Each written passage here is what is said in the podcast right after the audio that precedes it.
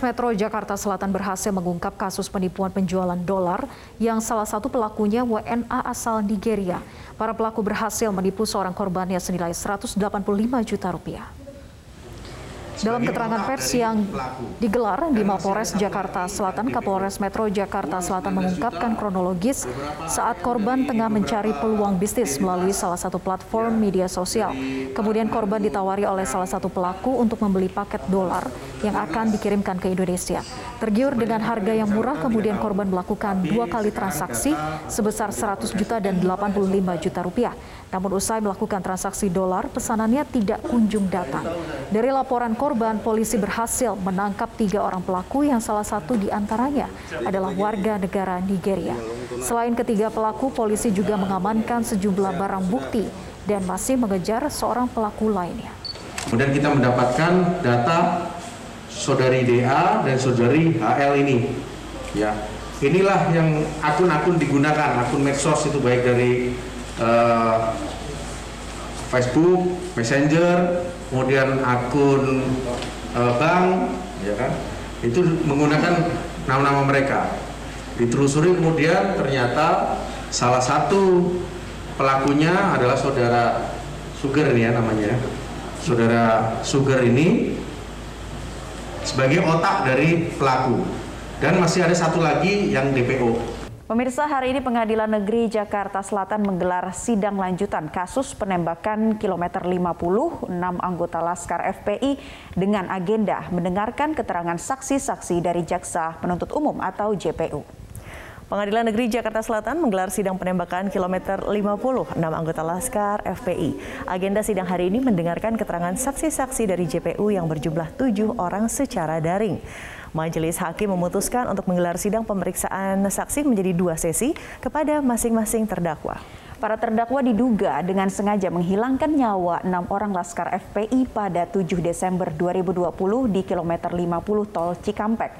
JPU menyayangkan menyangkakan maksud kami terdakwa dengan pasal primer yakni pasal 338 KUHP Jungto pasal 55 ayat 1 KUHP dengan ancaman 15 tahun penjara dan penebalan dengan pasal 351 ayat 3 KUHP Jungto pasal 55 ayat 1 dengan penjara dengan ancaman 7 tahun penjara terhadap pelaku penganiayaan yang menyebabkan kematian terhadap orang lain atau korban. Seiring dengan turunnya level PPKM, pemerintah Kota Bandung turut mengantisipasi gelombang ketiga lonjakan COVID-19 yang diprediksi terjadi pada libur Natal dan Tahun Baru. Beberapa jurus yang disiapkan yakni menggencarkan 5M dan tracing kasus COVID-19. Tak mau terjadi fenomena gunung es, pemerintah kota Bandung berupaya memastikan kasus COVID-19 yang terdeteksi sesuai fakta bukan rendah di permukaan, namun nyatanya membludak dalam kenyataan.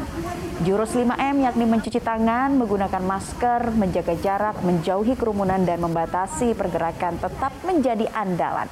Dilengkapi dengan prinsip 3T yakni testing, tracking, dan juga treatment bagi kasus aktif COVID-19. Jauh hari pemerintah telah mewanti-wanti agar masyarakat turut mengantisipasi lonjakan gelombang ketiga COVID-19 seiring dengan pelonggaran usai turunnya kasus COVID-19 mobilitas masyarakat meningkat di mana-mana tidaknya vaksinasi itu ketat dan yang lain lagi yang harus kita lakukan itu yaitu surveillance. Artinya kita melacak, melacak di mana ya di sekolah, di tempat-tempat supaya kita jangan sampai seperti gunung es ya, yang kelihatannya sedikit, yang di bawah padahal banyak. Nah yang di bawah ini yang mana ya? Inilah dalam rangka kita mencari Sementara itu status kota Jambi yang berada di level 2 membuat pembelajaran tatap muka tetap digelar dengan protokol kesehatan yang ketat pastinya. Iya, satu kelas hanya diisi 50% dari total siswa dan jam belajar pun belum digelar secara penuh. Meskipun status PPKM Kota Jambi sudah di level 2 dengan penurunan kasus terkonfirmasi jauh berkurang, namun hingga saat ini pemerintah Kota Jambi tetap mengawasi pelaksanaan PTM secara ketat. Pemkot Jambi tidak ingin kasus terkonfirmasi bertambah dengan dilaksanakannya PTM atau adanya klaster sekolah. Disiplin prokes di sekolah menjadi prioritas utama dalam pembelajaran tatap muka juga mengantisipasi terjadinya penularan. Gugus Tugas Penanggulangan COVID-19 akan terus melakukan pengawasan terhadap prokes di sekolah-sekolah. Penambahan jam belajar rencananya akan dievaluasi kembali pada bulan depan dengan catatan bila tidak ada lagi kasus harian atau zero kasus dengan status level PPKM pun yang turun. Kalau dalam satu bulan ini uh, boleh dikatakan misalnya tidak ada kasus di anak-anak sekolah dan kasus kita melandai juga mungkin kami akan tambah jam belajarnya. Ya kalau tadinya mungkin belajar itu katakanlah uh, satu minggu ada yang tiga kali, ada satu minggu yang dua kali, mungkin kita bisa tambah harinya. Ya, jadi pelan-pelan kita. Mantan Mensesnek dan Sekretaris Kabinet era Presiden SBY Sudi Silalahi tutup usia. Jenazah almarhum Letjen Punawirawan Sudi Silalahi akan dimakamkan siang ini di TMP Kali Kalibata, Jakarta. Prosesi militer mengantarkan pelepasan jenazah Sudi Silalahi. Upacara pelepasan jenazah berlangsung selasa siang di perumahan Jati Warna Indah di Kota Bekasi, Jawa Barat. Serah terima jenazah dipimpin langsung oleh Menteri Sekretariat Negara Pramono Anung. Beberapa kerabat dekat almarhum sesama di kemiliteran seperti mantan Menteri Kesehatan Terawan Agus Putranto dan mantan Panglima TNI Gatot Nurmantio turut hadir mengantarkan kepergian almarhum ke peristirahatan terakhirnya. Jenazah almarhum Letjen Punawirawan Sudi Silalahi akan dimakamkan di Taman Makam Pahlawan Kalibata, Jakarta Selatan, Selatan Selasa siang ini. Oleh Inspektur Upacara. Waktu itu atas perhatian masyarakat Sudi Silalahi adalah mantan Mensesnek dan Sekretaris Kabinet pada era Presiden Susilo Bambang Yudhoyono. Sudi Silalahi tutup usia di RSPAD Gatot Subroto Senin malam karena sakit.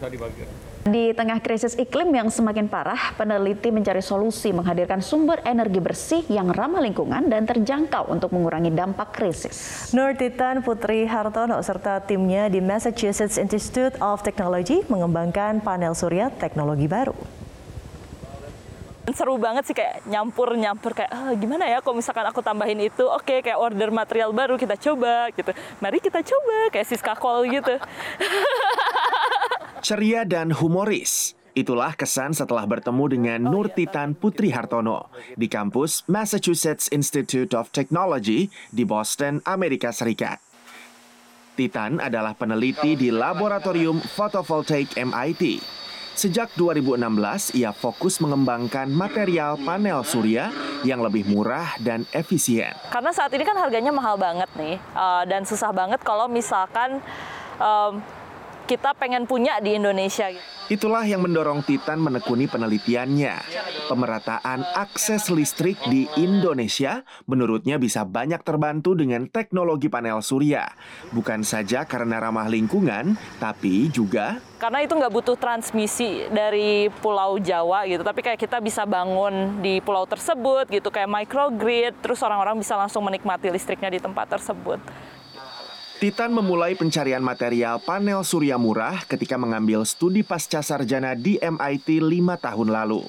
Tanpa jeda, perempuan asal Cimahi, Jawa Barat ini melanjutkan penelitiannya saat menempuh pendidikan doktoral di kampus yang sama.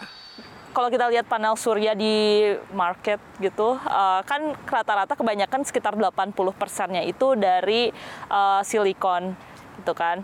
Tapi silikon itu uh, dia salah satu drawbacknya dia lumayan mahal. Nah kalau perovskite ini dia diprediksi harganya bisa jadi lebih murah dan efisiensinya itu udah comparable sama silikon. Tapi ada satu challenge-nya itu adalah dia kurang stabil. Menemukan formula perovskite yang stabil menjadi fokus utama Titan dalam penelitian. Setelah membuat lebih dari seribu sampel, Titan akhirnya berhasil menciptakan komposisi perovskite yang delapan kali lebih stabil dari sebelumnya. Aku sih berharapnya mungkin dalam 10 tahun ke depan mungkin kita bisa dapat visible produk gitu, produk yang beneran ada bentuknya. Mentor Titan dalam penelitian itu optimistis dengan manfaat hasil kerja keras Titan di laboratorium. The new type of solar cell Titan has been working on it is low cost and it is very lightweighted and it's flexible. So you can potentially um, put it on the top of your car. You can um, potentially put it on portable electronics. So this is a very significant piece of result, and it shines light in the commercialization of this new technology.